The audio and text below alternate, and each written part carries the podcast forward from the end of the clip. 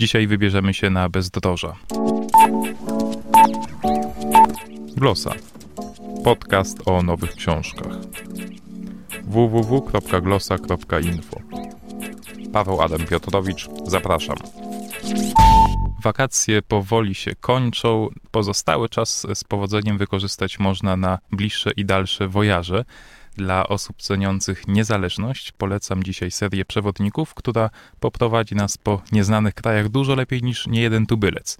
Powiem o przewodnikach wydawnictwa Bezdroża, które w ciągu ostatnich kilku lat stały się klasykiem dla podróżników omijających szerokim łukiem wycieczki zorganizowane. Przede mną leżą trzy przewodniki po Bałkanach, Czechach i Rumunii. Do ręki biorę najpierw przewodnik po najbliższych nam geograficznie Czechach. Na ponad 450 stronach znajduje wszystkie informacje praktyczne: środki transportu, noclegi, restauracje. E, prawdę mówiąc, to mógłbym znaleźć w internecie, ale przewodniki bezdroży dostarczają też informacji unikalnych. W przewodniku nie ma wielu zdjęć, jest za to multum informacji o miejscach, których tradycyjne przewodniki nie ujmują. W szarych ramkach znaleźć można ponadto trochę informacji historycznych czy ciekawostek, na przykład kilka akapitów świetnego eseju o Pradze autorstwa Angelo Marii Ripelliniego, Magiczna Praga, czy parę słów o gminie Taborytów, komunie założonej przez radykalnych husytów. Podobnie ułożono treść w przewodniku po Bałkanach i Rumunii. Ten ostatni przewodnik po Rumunii i Mołdowie zrobił na mnie największe wrażenie.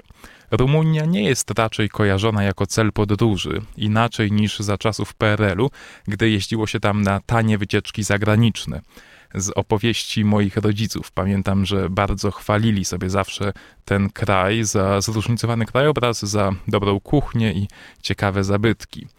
Autorzy przewodnika bezdroży pokazują to wszystko i jeszcze więcej.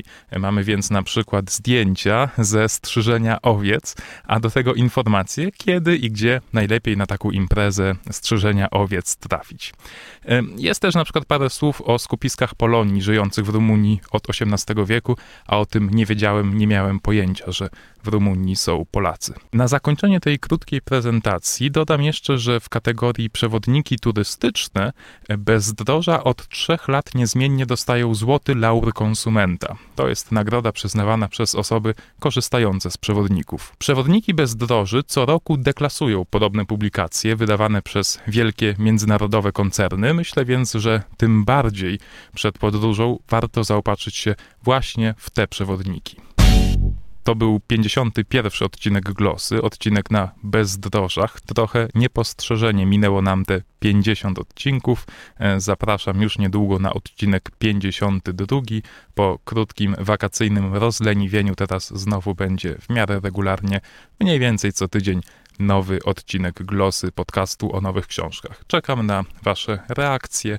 glosa.glosa.info. Można też komentować na stronie www.glosa.info. Paweł Adam Piotrowicz, dziękuję. Do usłyszenia.